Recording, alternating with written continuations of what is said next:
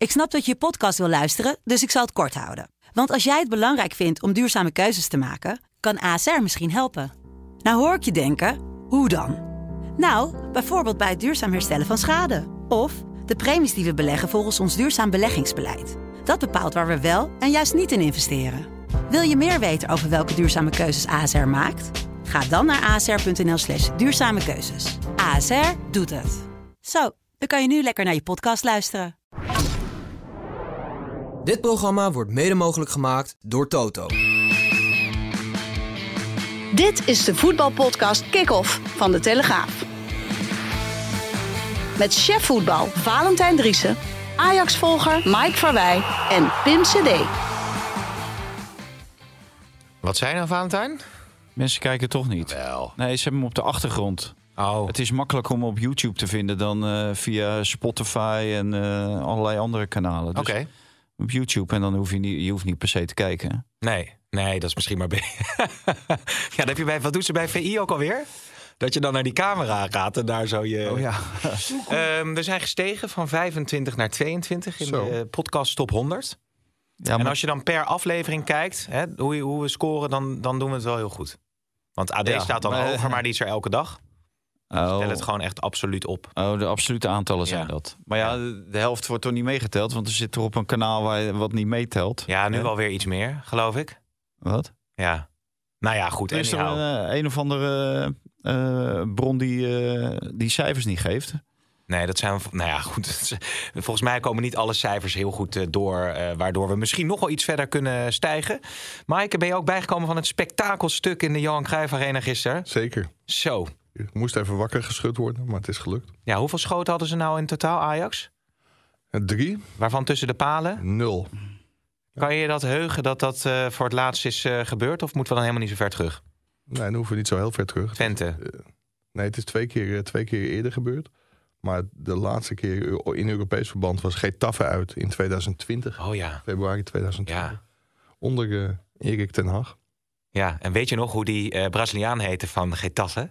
Nee, ik weet wel die... Di- eh, die- Diverson. Weet je nog? Wel die linksback, Cucurella. Die speelt nu bij eh, Chelsea Ja. via Brighton. Die Ja. kan er ook geen ene ruk van. Ja, die Diverson die kreeg toen een aansteker eh, op zijn eh, knie of zo. En die ging toen op de grond liggen. Alsof er een moordaanslag was Ja, gepleegd. Maar dat was ook niet normaal. Nee, was ook wel, Ik ja. denk dat hij ook wel heel zwaar gewond was. Maar toen Ajax die wedstrijd speelde, wedstrijden tegen eh Getafe, toen was het natuurlijk echt eh, het, het crisis in Amsterdam. Hoe is het nu? Ja, je kunt het heel positief bekijken. Als je nul keer tussen de palen schiet, dan weet je wat het maximale resultaat is. Dat is 0-0. Ja, En dat hebben ze gespeeld. oké. Maar geen crisis meer. Nee, dus er zal nu geen crisis zijn. Wat, wat, wat kan je nu doen? Je kan op de transfermarkt kan je niks meer betekenen. De enige die nog te koop zijn, dat zijn eh, transfervrije spelers. Nou, dat zijn vaak niet de beste. En de trainerswissel heeft ook al plaatsgevonden. Dus ja, om nou weer een nieuwe trainer neer te zetten. Nee. Maar het, het was wel ontluisterend. Het was echt ontluisterend. Als Ja. je zag in de opbouw, er was ook totaal geen lef, geen flair, helemaal niets. En niemand die een balletje tussendoor eh, durfde te spelen. Dan zag ik Kudus eh, zag je zich komen aanbieden. Nee, Alvarez die ging voor, eh, liever voor Bessie. En Bessie ging liever voor Taylor. En Taylor ging liever voor Alvarez. En Alvarez voor Roelie. En ja, het, bleef maar rond. Eh, Zeker in die eerste helft was echt ontluisterend om te zien. Ja, ik ga hem niet nog een keer kijken, deze wedstrijd. Maar je zou eigenlijk voor de grap een keer moeten kijken hoe vaak Alvarez, Bessie en Taylor die bal naar elkaar hebben gespeeld. En dan af en toe ook nog terug naar Roelie.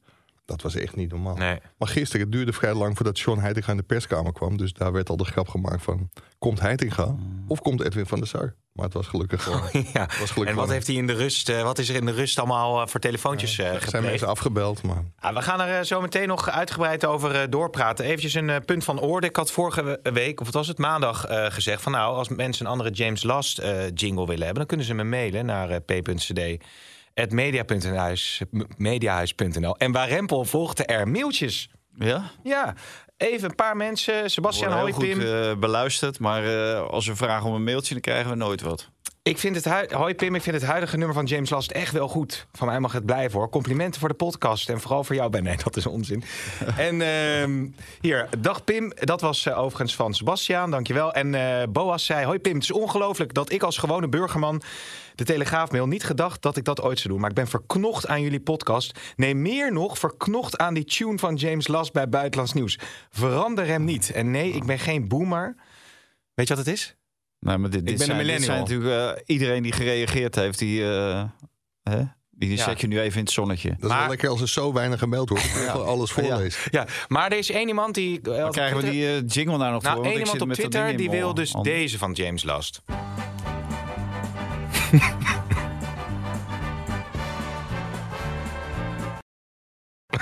Ja, dit, dit is echt goed. Ja? Ja, dit is, dit is de James Last die... eh, Serieus? Ja, Ja. de- deze past ook wel bij buitenlands voetbal, vind ik. Ja, vind je? Hoezo? Ja, gewoon. Oh. Nou, doe dan ja, die, eerst... die panfluit. Ja, die Mexicaanse panfluit. Oh nee, Alvarez voetbalt in Nederland. Oh, ik hoor geen panfluit hoor. Nee, Oh ja, daar zie je. Maar en welke hebben we nou nu? Hein, kun je die ook nog even laten horen?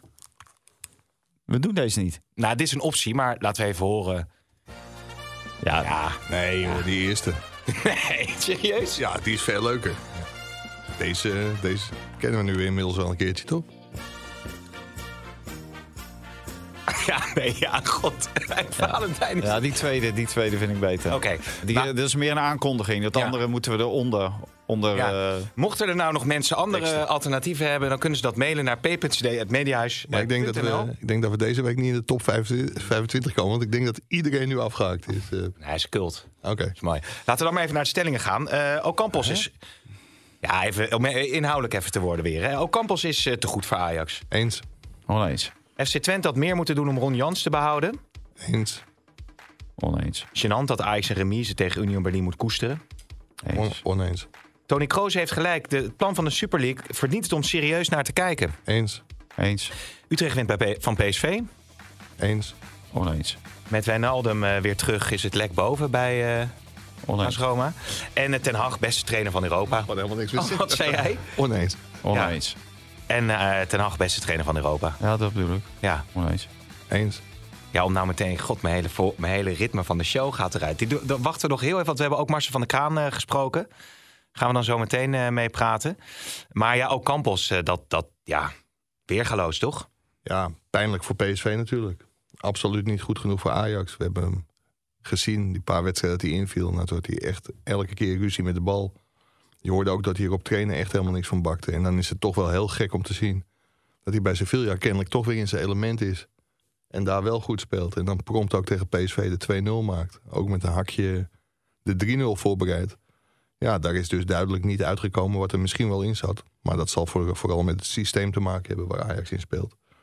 Deze, eh, ik, ik moet zeggen, ik heb door het verslag van, eh, van Ajax tegen Union Berlin niet heel veel van PSV kunnen kijken. Maar ja, ik denk dat het systeem van Sevilla veel meer op het lijf is geschreven dan het systeem, eh, systeem van Ajax. Ja, wel zo'n Ja. goal die die maakt, die kan je ook in, een, eh, kan je in elk systeem maken, toch? Ja, wel als je zoveel ruimte krijgt. Hè? Deze die was in geen eh, velden of Nee. wegen te beke- bekennen. Maar dit, dit geeft aan dat, dat Ajax echt op de transfermarkt de ene na de andere flater heeft geslagen afgelopen zomer. Hè, want dit, dit wist je bij voorbaat al. Hè? Iedereen riep het ook. Ja, dat is een jongen die heeft ruimte nodig, die moet kunnen lopen. Ja, en als je hem dan bij Ajax eh, op zo'n hele kleine ruimte zet, ja, daar kan die jongen niks aan doen dat hij dan eh, faalt. Dus eh, dat is gewoon een volledig verkeerde keus van, van Ajax Ja. geweest. Ja. Een aanklacht tegen het aankoopbeleid. En zo zijn natuurlijk wel meer. Hè. Bessie neem ik ook niet niks kwalijk dat hij iedere bal naar Alvarez speelt of naar Taylor of naar Roelie. Want dat, daar ligt gewoon zijn kwaliteiten niet. Maar dat moet je wel onderkennen op het moment dat je zo iemand haalt. Ja. Maar Dus- mag, je, kan, je kan één zo'n verdediger toch wel in je selectie hebben als Ajax. Ik bedoel, Davidson Sanchez Ja. of zo. Dat was toch ook geen weergeloze voetballer, Mike? Eh, nee, maar dat, eh, ja, daar zeg je het al. Daar, daar kun je er één van hebben. Kijk, en ik, ik geloof best in Bessie hoor. Want als je hem nu ziet verdedigen, kijk aan de bal. En tegenstanders laten hem natuurlijk ook veel aan de bal. Daar is hij gewoon nog niet goed genoeg. Ik had van de week een interview met Alvarez. Nou, die beaamde ook. Volgens mij heeft Valentijn het ook vanaf het begin alleen maar geroepen... dat hij aan de bal niet goed genoeg was. En hij is nog steeds... Hij vindt zichzelf comfortabeler aan de bal. Nou daar was gisteren niet heel veel van te zien. Maar daar heeft hij natuurlijk wel hele grote stappen in gemaakt. En je moet spelers bij Ajax ook wel de kans geven om die stappen te maken. Want Alvarez speelde in het begin niet, Martinez speelde in het begin niet. Zelfs Tagliafico, ja, die stond er dan wel vrij snel. Maar die was er op een gegeven moment ook weer een tijdje uit, uit de basis. Dus je moet Bessie wel de tijd geven. En dan denk ik dat het uiteindelijk best een aardige centrale verdediger kan worden. Ja, Alvarez trouwens, had je dat interview mee. Die droomt nog wel van die transfer eh, in de zomer. Ja, Maar als je hem zo ziet voetballen, dan... Chelsea had daar, wat was het, 50 miljoen voor over? ja. Dat zie je nu En die waren bereid, om uiteindelijk naar 60 miljoen te gaan. Echt Ja. waar? En dat is natuurlijk wel een compleet verkeerde inschatting geweest van, eh, van Ajax. Maar ik denk dat er. Kijk, dat bedrag zal niet meer, eh, niet meer geboden worden. Tenzij er een, club heel erg in, in de paniek schiet. En in paniek raakt. en nog een speler moet hebben. Maar als je 40 miljoen voor deze speler krijgt. Het is een Mexicaanse international. Hij heeft op zijn 25 al 61 in het land gespeeld. Daar zal altijd wel markt voor zijn. Dus ik, ik denk dat er wel weer een grote club voor eh, Edson Alvarez komt. Ja, maar als je nu naar het voorland kijkt eh, van eh, twee grote Nederlandse clubs in Europa. Ja, in ieder geval dit seizoen. Nou ja, Ajax kan natuurlijk wel nog gewoon doorgaan naar de volgende ronde. Maar als je naar PSV kijkt en wat ze bijvoorbeeld inderdaad achterin hebben staan. Dat schreef ook Jeroen Kapteins in zijn verhaal. Ja, kun je daar überhaupt wel mee verder? Hè, met Ramaljo, eh, met These, met Obispo, eh, Brandwaite willen ze dan misschien ook nog... eh, Die willen het graag hebben. hè, van Arnold. Eh, hè, de- maar het is allemaal leuk en aardig, maar iedereen die kijkt naar de Nederlandse competitie, hè, en dat was met die Brandweight ook vorige week, zei Ruud van Nistelrooy, maakt geweldige progressie, eh, eh, beheerst in feite alle, alle facetten van de centrale verdediger. Alleen ja, dat is eredivisieniveau. En nu kom je op een ander niveau. Ja, en dan eh, zie je ineens dat eh, de, de tekortkomingen van dit soort spelers. En dat geldt ook bij eh, sommige spelers van Ajax. Maar bijvoorbeeld een Rensje en een Wijndal. Ja, die, die, die ontlopen de kritiek een beetje. Maar die speelde gisteren natuurlijk ook dramatisch.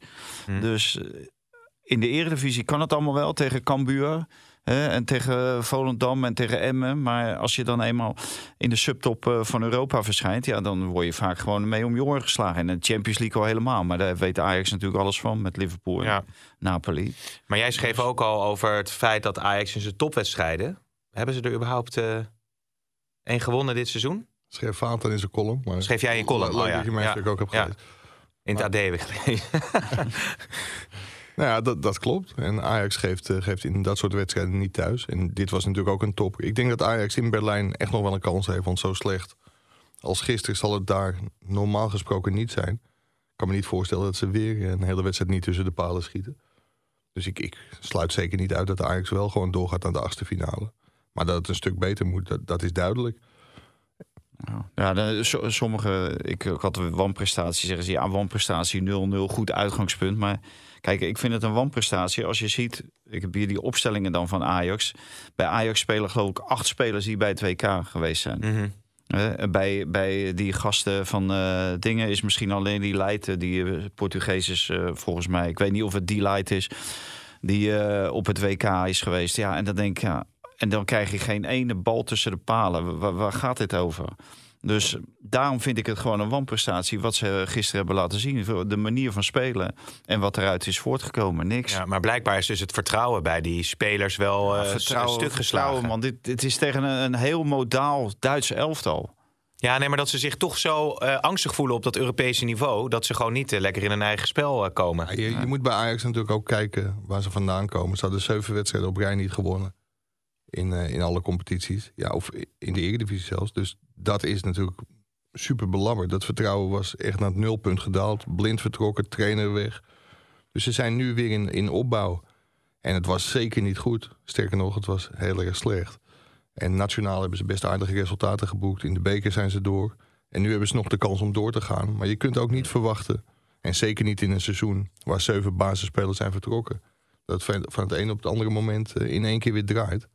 Dus ik denk dat dat stapje voor stapje gaat. En ik denk dat ze ook heel blij zijn dat ze nog en in de beker zitten... en gewoon een hele goede kans maken op het kampioenschap.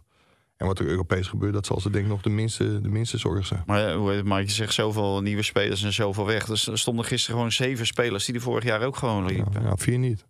Ja, nou, zeven. Ja. Dan heb je toch genoeg automatisme.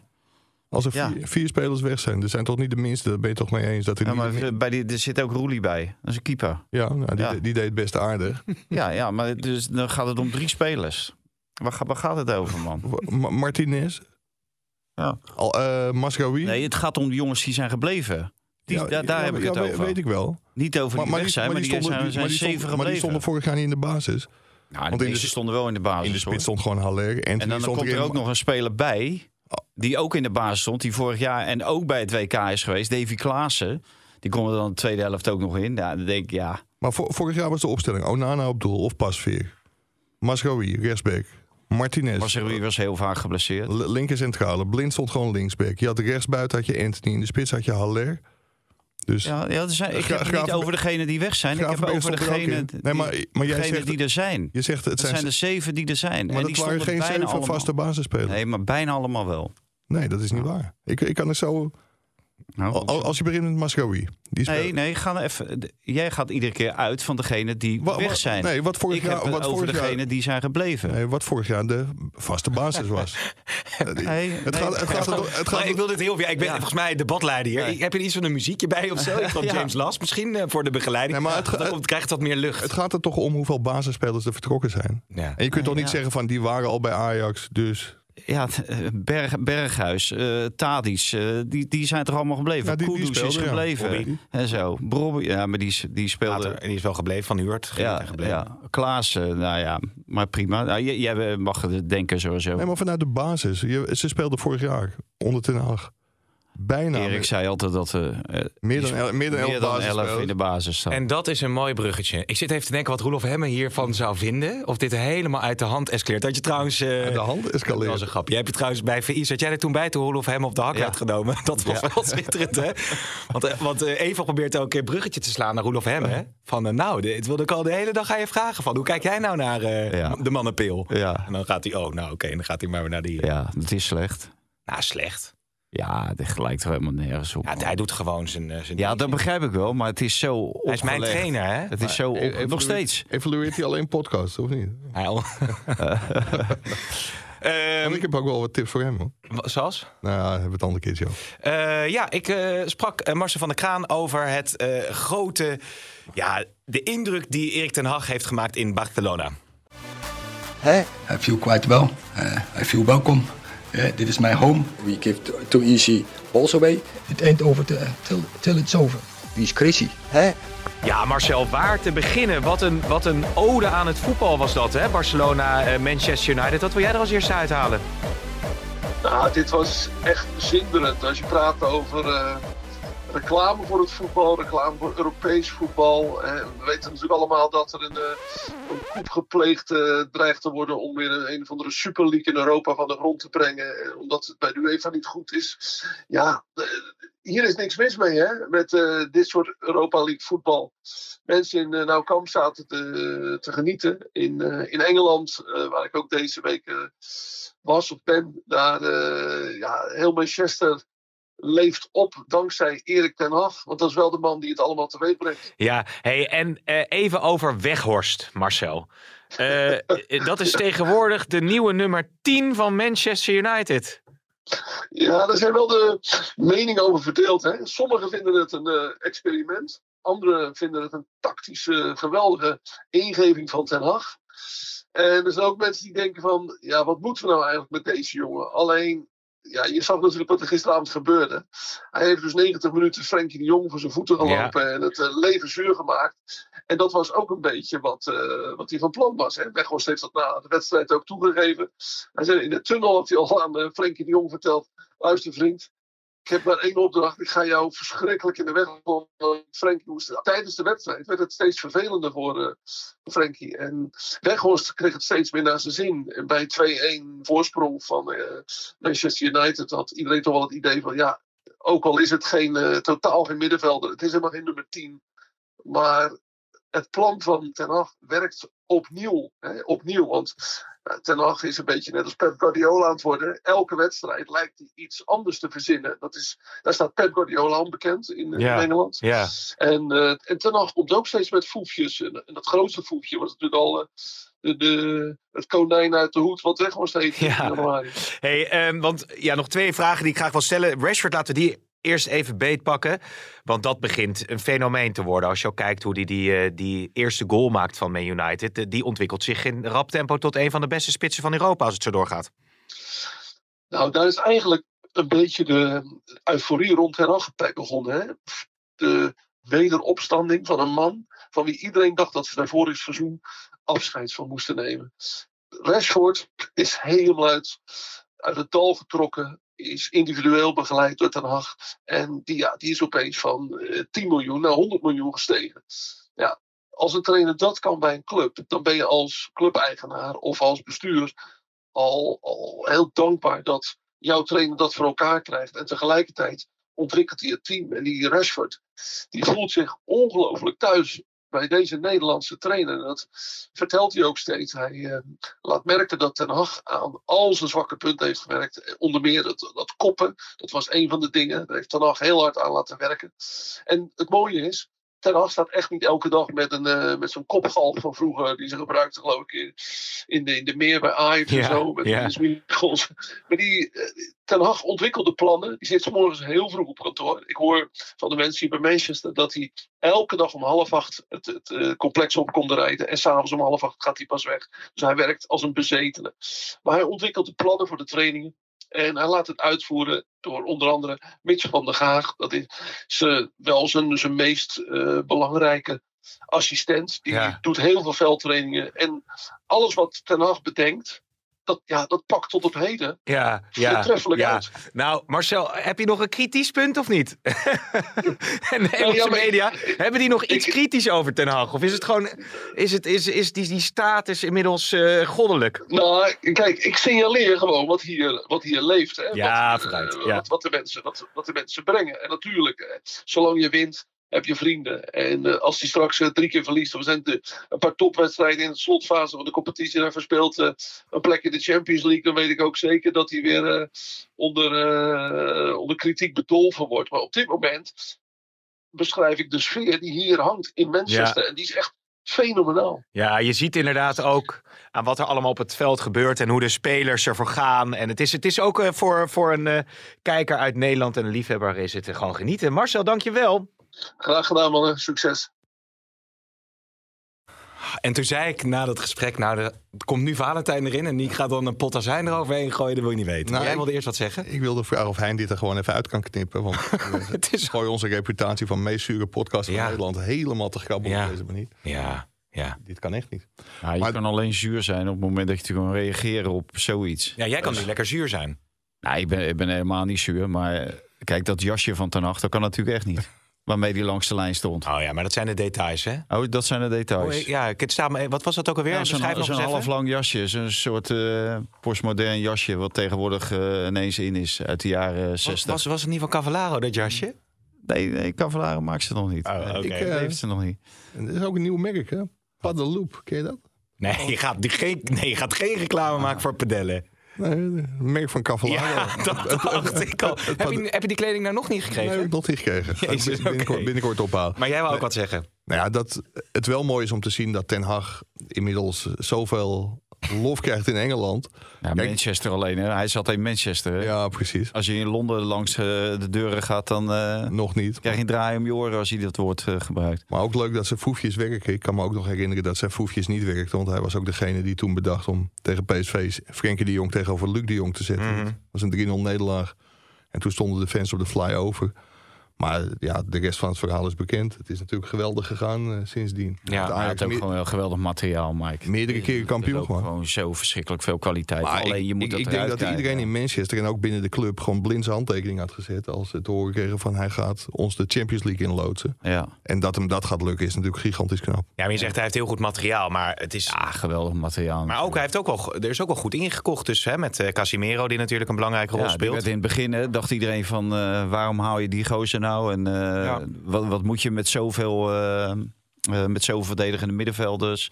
Kost een hele hoop geld en levert niks meer op. Maar ja, dat is natuurlijk wel de missing link eigenlijk geweest. Dat zag je tegen Arsenal, deed hij niet mee. Toen verloren ze ook. Maar, eh, maar ik, hoe heet het, Marcel die begon eigenlijk over geweldig de Europa League en de Super League. Maar dit is, is het bewijs dat die Super League er moet komen. Juist omdat eh, Barcelona en eh, Manchester United die treffen elkaar nu. Maar dat gebeurt maar eens in de vijf, zes, zeven, acht jaar misschien. Dat ze elkaar treffen. En die Super League die wil nu eh, juist het levenslicht zien om dit soort wedstrijden veel vaker eh, te kunnen zien. Hè? Waarom mag Liverpool niet eh, ieder jaar bijvoorbeeld spelen tegen Bayern München? Ja. Hè? Of eh, Barcelona tegen Real Madrid. Of eh, tegen Juventus bijvoorbeeld. Maar ja, Kijk, omdat dat er geen een ruimte idee- is in de agenda. Nee, maar dat is het idee van de Super League. Is in plaats van de Champions League. In de Champions League, het eerste half jaar. heb je alleen maar zaadwedstrijden. Zoals Ajax Rangers. Mhm. Napoli Ajax. Vervelende wedstrijden. Liverpool Ajax. Ja. Ja. Ja, overal waar Ajax bij zit is het natuurlijk vervelend. Hè, zeker dit jaar. Maar het is natuurlijk veel eh, mooier om al die topwedstrijden hè, Ja. eh, te zien. Maar hoe vleg je dat dan in elkaar? Nee, weg met de Champions League. Dan komt er gewoon een andere league onder. Dat is Ja. ook de bedoeling. Dus dan krijg je een Super League en dan daar in ja, divisies daaronder. weer. Ja. Dan kan je wel weer promoveren. Vroeger had je gewoon drie amateurklasses. Nou, en dat werden daarna betaald Het is voetbal. een beetje de Nations League, zeg maar, eh, maar dan op clubniveau. Ja. Ja, en het, het mooie is, Ja. een, een van de argumenten was van... Wat, wat gebeurt er dan met de nationale competities? Nou ja, die blijven gewoon bestaan. blijven eh, gewoon in, bestaan, in de nieuwste plannen. Ja. Dus, Ja. ja, ik zou het ook prachtig vinden. En kijk, als ik naar mijn neefje kijk... Die kijken Die is gewoon... nog niet zo ver, toch? Nee, die... Nee, die... Die bij Telstar speelt. Ja, precies. Of je Chelsea of Barcelona of Manchester ooit gaat halen, dat moeten we nog even zien. Maar eerst eh, maar even tegen FC Volendam morgen. Maar ehm, ja, dat was natuurlijk het argument dat de nationale competitie zouden verdwijnen. Mhm. Maar wie kan er nou moeite hebben met elke week zulke affiches als... Ja. Ja. Want nu wordt deze wedstrijd in de Europa League gespeeld om kwart voor zeven. Op donderdagavond. Ja, die moeten natuurlijk gewoon of op zaterdagavond eh, 9 uur. eh, Maar het, arg- prime- prime- Maar, eh, ja. het argument dat je de, de, de kleinere clubs, eh, dat je die, die, die mix wil houden en de kleinere clubs ook de kans Maar laten er zijn geven toch wedstrijden die nog niet om aan te zien zijn? Nee, Nee, maar- oké, je maar, zit je- er ook niet te kijken naar Basel tegen Juventus. Daar ga je, ga je ook niet voor zitten. maar kleinere clubs kunnen dan ook eh ver komen in Europa. hè? Ja, die kunnen dan wel Ja, promoveren. maar maar je- kleine clubs komen niet ver. Want ik ga de laatste acht eh, maar bekijken van de laatste jaren bij eh, de Champions League. Nou, er zijn geloof ik eh 80% zijn het gewoon dezelfde Ja. clubs. Eén ding wel. Van de week heb ik ook zitten kijken naar Paris Saint-Germain tegen Bayern München. Niet om aan te zien. nee, En dat kwam voornamelijk door Paris Saint-Germain. Dat gewoon niet, niet, niet wilde voetballen. wat daar nou allemaal aan de hand kan is. voetballen. Dat is wel heel pijnlijk, hè? Ja. Dat, dat Nee, maar- Paris Saint-Germain zo teleurstelt, ja. Maar het, aanloopje naar mijn neefje, dat, daarmee wilde ik aangeven dat die leeftijdsgroep, nou Valentijn en volgens mij ook zo'n, eh, ja, die inmiddels iets ouder zijn, maar ook in die leeftijdsgroep hebben gezeten, die kijken ook mede door FIFA en dat PlayStation eigenlijk alleen nog maar naar de topclubs.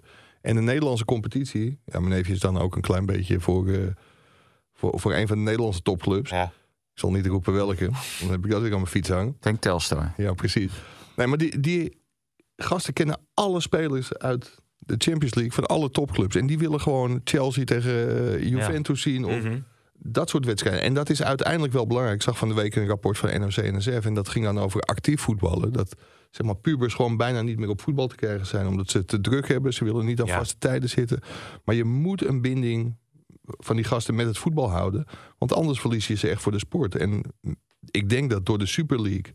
dat dat wel, eh, wel kan. En dat de Eredivisie uiteindelijk niet voldoende kracht heeft... om dat soort jongens ook aan zich te binden. Maar dan moet de UEFA dus, dat is een heel proces. Eh, Ja, eh, die moet plaatsmaken. De UEFA wil dat niet. Want Nee, dat want die verliest de inkomst van de Champions League dan. Juist, ja. Dus, dus dat, eh, Hoe moet je dat dan doen? Moet je dan uitkopen of iets? Of hoe ga je dat dan...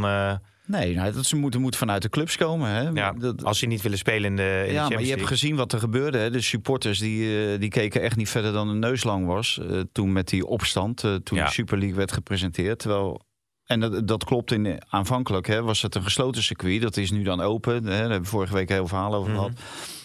Dus dat ze nu eigenlijk eh, zeg maar naar een eh, eh, Champions League XXL willen. Nou, Ja. en, en dat zou het mooiste zijn als dat via de UEFA kan. En kan dat niet, ja, dan zou je het erbuiten moeten gaan organiseren. Alleen dan staan die nationale bonden staan weer op hun achterste Ja. poten. Want die willen graag die nationale competitie organiseren. Maar volgens mij gaat dat er op den duur toch echt gewoon van komen. Ja, want- uiteindelijk gaat de UEFA toch eigen voor zijn geld kiezen. Want Ja. anders dan grijpen ze overal naast op een gegeven moment. ja, Als die allemaal weglopen, die grote clubs, dan is het marketingverhaal stort eh, als een kaarthuis in elkaar. Ja, en, je- en jij ja? vertelde, of tenminste je schreef in dat artikel... dat zeg maar, er was een soort proefproces geweest of zo. En Ja, de UEFA leek nu nog in het gelijk gesteld te worden... maar dat het eigenlijk ook weer heel raar was. ja. Omdat je... mededingingsautoriteiten. Die, eh, je, je kan geen gesloten circuit accepteren in Europa. Iedereen mag organiseren wat hij wil. ja. Ja, en, en volgens de Europese eh, regels kan je dus niet zeggen van wij bepalen eh, of jij iets mag organiseren. En als jij niet eh, meedoet met of als jij dat eh, toch doet eh, tegen onze zin in, dan schorsen we jou. Dat, dat kan allemaal niet zo. Maar nee. dat kan in het normale bedrijfsleven ook niet. En, en dan zeggen ze ja, dit is eh, voetbal en sportief en eh, dit is gewoon een, een bedrijfstak. Ja, Tony Kroos, gewoon eraan, aan Tony Kroos was er ook enthousiast over. Misschien dat we het allemaal aan Saoedi-Arabië kunnen, kunnen organiseren. Zou ook allemaal Ja, hartstikke dat, leuk zijn dat, vind ik dus wel krankzinnig. Want de KNVB sloeg zichzelf op de borst omdat ze hadden geregeld dat na de toewijzing aan Qatar zou nu één van de eh, spelregels worden om een WK te kunnen krijgen dat je je aan de mensenrechten houdt. En zolang dat niet het geval is, dan zou je geen WK kunnen krijgen. En nu wordt er dus gewoon gesproken over Saoedi-Arabië in 2030. Ja. Dus de KNVB heeft gewoon iets gevierd wat ze helemaal niet hadden hoeven vieren. Want ze, ze worden wat dat betreft dan niet Ja, echt serieus links, en links en rechts word je voorbij gelopen. Het was volgens nog een unanieme beslissing ook. Het ging in dit geval over het WK voor clubteams. Het ging over de organisatie die vanuit de FIFA eh toernooien toewijst. Maar je, je, je merkte al toen opeens Saudi-Arabië zeg maar de sponsor werd van het vrouwen-WK. Ja, dan weet je al waarop wordt voorgesorteerd. Dan zegt de FIFA van doe dat nou even voor je goodwill.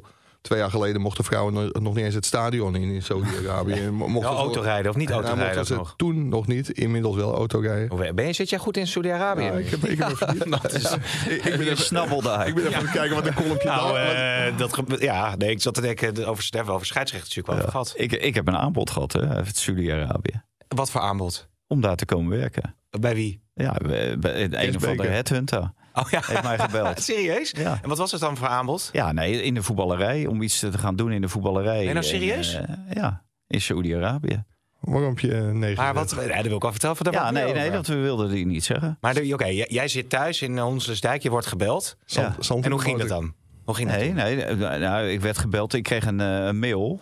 En Ja. daarna werd ik gebeld hè, of ik interesse had, dit en dat. Heb ik helemaal niet gereageerd. Nee. Ja, nee, in, in een voetbalfunctie in Saudi-Arabië. Ja, maar dat is het enige. Ja, nee, Ja, maar, maar waarbij dan? Nee, maar verder gaven ze geen eh, dingen. En ik had ook geen zin om in dat hele traject eh, te gaan, om maar te kijken en dan hè, als een Oh. soort. eh, Ja. ja, hoe noem je dat? een soort ervaringsdeskundige en daar later een mooi verhaal over te Ik kunnen maken. had het schitterend gevonden.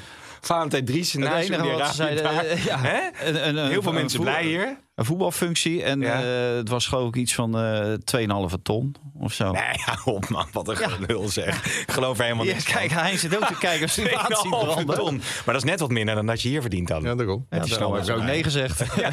Of financiële gronden Dit is afgewezen. wel weer een gek verhaal. We hadden die telefoon van Vergaal die had gevonden. Maar deze topt het wel. Ja.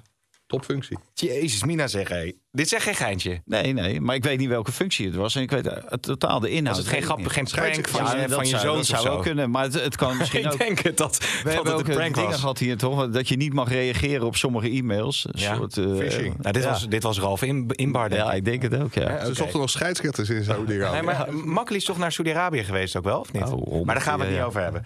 Ehm, Ik wil nog wel wat over de scheidsrechter zeggen. Oké. Hebben we nog een fluitje? We moeten wel een beetje zitten aan Roelof Hamilton denken. Er zijn nog een paar dingetjes die we moeten bespreken. We natuurlijk ook de topper eh, Feyenoord AZ. Eh, dus even het scheidsrechters... eh, Nou, over, over de goal van Torsby. Oh ja. Want iedereen ging er een beetje makkelijk aan voorbij. Kijk, en natuurlijk heeft de VAR altijd de opdracht om goals te checken. Mhm. Maar die hensbal, die was... Ja, zelfs na zeven herhalingen... Ja, dan zie je misschien dat die bal langs de hand glijdt. Maar het is niet heel duidelijk hens. En dat moet ik wel aan Tadic meegeven. Die stond zo bij die scheidsrechter en zo snel bij die scheidsrechter. Ja. Kijk, en dan roept zo'n scheidsrechter toch tegen zo'n VAR... van nou, er staat hier een of andere aanvoerder bij me te springen. Die roept dat het hens is. Kijk daar eens even goed naar. ja. Dus ik denk dat het wel degelijk heeft geholpen dat Tadic... eh, er wordt Ja. heel veel over geklaagd. Hij stelt zich vaak heel erg aan. Hij staat er heel vaak bij scheidsrechters te Mhm. mekkeren. Maar ik denk dat het gisteren wel heel erg in het belang van Ajax is geweest. Nou, de, En af en toe speelt hij heel slecht. nou, daar was Zo de media was ook eh, verwoestend hè, over eh, Ajax en over eh, Tadic. Geen schim meer van eh, de oude Tadic Kudus. Nou, dat, dat klopt. Maar dan is het knap als je zo gigantisch slecht speelt... dat je toch je waarde voor de ploeg kunt hebben. Ja, over eh, aanvoerders je, zoals jij presenteert. Hè? Nee. Ja, over aanvoerders gesproken. Captain eh Geert Ruida. Ja. Hè? Die eh, loopt morgen als eh, aanvoerder het veld op in de Kuip. Nou, ik, vind- ik vind het heel goed. En eh, ik ben gewoon een voorstander van clubmensen als aanvoerder. Als je clubmensen nog hebt. mensen die je zelf hebt opgeleid. En bijvoorbeeld bij Feyenoord heb je Geert Truida in, in dit geval. En Bijlo. Dus, maar die, die, die speelt niet. En ja, Kukshoe die is afgevallen, want die is geschorst voor de wedstrijd tegen AZ. Mhm. Nou, en hij heeft, Slot heeft eh Geert Truida aangesteld als aanvoerder. Nou, die heeft waarschijnlijk ook nog de meeste wedstrijden gespeeld van alle Feyenoorders. En komt uit de eigen opleiding. Het enige punt is, ja, hij komt wat moeilijk uit zijn woorden. Ja. Dat, dat is bekend, dat hij eh, wat stottert. Ja, dat is eh, geen beletsel voor, eh, voor eh, slot. En dat vind ik ook terecht. Want dat, dat, ja, dat zou te, te gek voor woorden zijn. Omdat hij een beetje stottert dat je iemand geen aanvoerder kan maken. En wat je van andere spelers hoort, is dat hij zich op het veld heel goed verstaanbaar kan maken. Dus dat geen enkel probleem is. En ja, hij zal het wel tegen AZ eh, moeten laten zien ook. Ja, maar maakt natuurlijk een goede ontwikkeling door. Dit seizoen sowieso was de persconferentie van Slot. Waarin hij zei eigenlijk, ja, er is geen enkel probleem. Of er is geen enkel probleem. Het is makkelijk om Kukcu in die zin te vervangen. Dat je gewoon Quinten Timber kan opstellen. Ja. Dat is natuurlijk wel met Wiever de logische opvolger. Wat zit jij nou te lachen? Ja, maar die stond er al, die, die eh, dingen. Ze zijn twee middenvelders kwijt, hè? Szymanski zijn ze ook kwijt, hè? En, en Kukcu. En hij Szymanski speelde al. maar die is natuurlijk al langer eruit dan. Ja, maar hij speelde al met eh eh, Wiever, Timber en Kukcu. Ja, Dus er moet wel iemand eh, bij dan. dat is waar. Dat is waar. Misschien eh Deelrussen of zo. Die- komt langzaam maar zeker weer wat meer richting eh rentree eh, in ieder geval. Die kunnen ze natuurlijk ook heel goed Maar bij, gebruiken. bij, bij Feyenoord, hè, Slot heeft het dan over... eh, hij heeft geen brede selectie, maar hij heeft een hele brede selectie. Hè, veel breder dan Mhm. AZ. Eh, ze hebben heel veel blessures. Nou, ze hebben niet zoveel blessures. Ze hebben nu één geschorste en drie basisspelers die weg zijn. Bij, gaat het lijstje bij AZ... Alleen al, die hebben al meer centrale verdedigers eh, die geblesseerd zijn dan Feyenoord spelers die geblesseerd zijn. Ja. Ik vind de keuze van Geert Ruiden ook een, eh, ook een hele logische. Als je die de laatste weken ziet. Ja, ik denk dat hij ook heel serieus eh, bij, bij het Nederlands elftal eh, in, in beeld zal komen. Denk je? En dat is dan ook een mooi eh, bruggetje naar eh Ja, hadden, we, hadden we doorgesproken toch? Ja, zeker. Maar ja, wel, wel, is het dan op het middenveld of centraal? Want we, er moeten wel heel veel centrale verdedigers geselecteerd Ja, daar- worden. daar zal Koeman Eh, keuzes- keuzes Botman, Van de Ven. Van de Ven, die trouwens ook nog in de 90ste minuut ook gewoon vol gas geeft. Hè? Ja, Tegen Leipzig. Nou, dat liet eh, Marcel van der Ven Ja. aan mij zien.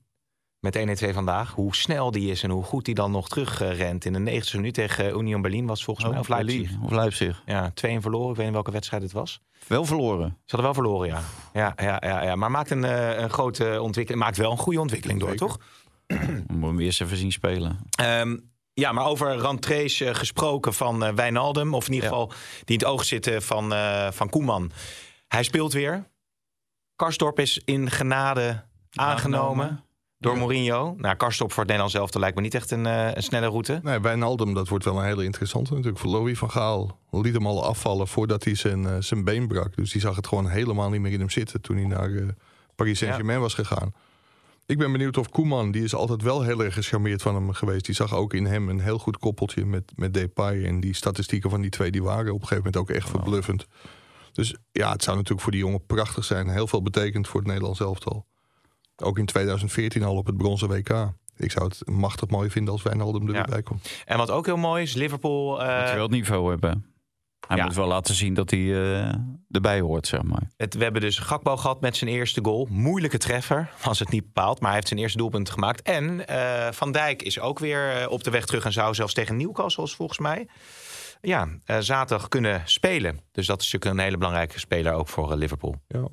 Voor Liverpool, ja zeker. Ja, en misschien- misschien zit natuurlijk ook wel in de hoek waar de klappen Zo. vallen. En nu zie je weer dat als je heel veel succes hebt, hoe moeilijk het is om te verversen. Ja. Om, het, eh, om maar door te gaan in dat eh, selectieproces. En om jongens waarmee je succes hebt gehad, om die gewoon buiten te zetten. Nou, de, de- Ferguson is daarover gestruikeld. Die heeft wel de tijd gehad om weer een nieuw team te bouwen. En Klopp eh, loopt nu tegen hetzelfde probleem aan. Dus ja, uite- uiteindelijk moet je doorselecteren. Maar dat hebben, hebben de meeste trainers toch verschrikkelijk veel moeite mee. Ten Hag bij Ajax in feite ook. Hoewel het laatste jaar werd hij toch wel weer kampioen. En ze overwinterden. Maar ja, daar gingen ze natuurlijk eh, roemloos eh, eruit tegen Benfica. Ja, Maar ja, dat, dat blijft toch wel een, eh, een moeilijk verhaal voor de meeste trainers. en zo zijn we bij het einde van deze podcast, Nou, heren. nog even over het Nederlands elftal. Ik ben wel heel erg benieuwd wat Ronald Koeman met Din, eh Danny Daily Blind gaat doen. Staat op 99 in het land. Speelt, Oh ja. speelt natuurlijk bijna niks bij Bayern Maar München. die geef je toch zijn honderdste dan? Die geef je. Het is god, geen speeltuinvereniging. Ja, maar Wesley Sneijder ook zijn 100ste, 120ste of, of zijn Ja, record. het, het record dat hij, heeft hij gegeven. dat hij eh, Dus, van de Sar ja. voorbij ging. Ik denk dat, dat hij hem er sowieso wel een keer bijhaalt. Maar of dat dan gelijk tegen... Ja, het kan natuurlijk wel tegen Gibraltar dat je hem... eh, dat je hem Ja, maar je wil je honderdste ook niet tegen Gibraltar spelen. Nou ja, dan Kan inval beter laten invallen tegen Frankrijk. Bij een 2-0 voorsprong in Parijs. Wie wordt dan een linksback van, 2-0 eh, van het, eh, Wie wordt een linksback van het Nederlands elftal dan? Malasia, maar Ja, die, heeft wel Malasia, gespeeld- die, die, heeft wel eh, gespeeld tegen Barcelona. Ja, maar die, die was bij die goal was hij natuurlijk wel, eh, ging hij ook niet helemaal vrij uit Mm. met de Rafinha. Jongens, we, we wandelen zo richting de volgende podcast. Is dit een eh, top 25 hier, denk je? De volgende is Wouter al terug of niet? eh, Wouter is terug, heb ik een gelijk podcast eh, mee eh, opgenomen. vakantie eh, niet eraan En komt een, ik maak me druk om een sekscentrum wat op eh 50 meter van eh, mijn huis gaat eh, verschijnen in, eh, in Amsterdam. Overigens, wisten jullie dat? Eh Halsema wilde Wallen eh, vrij hebben van eh, hoeren. Ja. Dus die worden nu... Er zijn drie locaties en twee zijn er echt op 20 meter van mijn huis Ja, ongeveer. dat is toch prima, joh. Dat is Ja, dat is uitstekend, Lekker dicht hè? bij huis. Hè? Oké, nou, tot de volgende. Dit programma werd mede mogelijk gemaakt door Toto.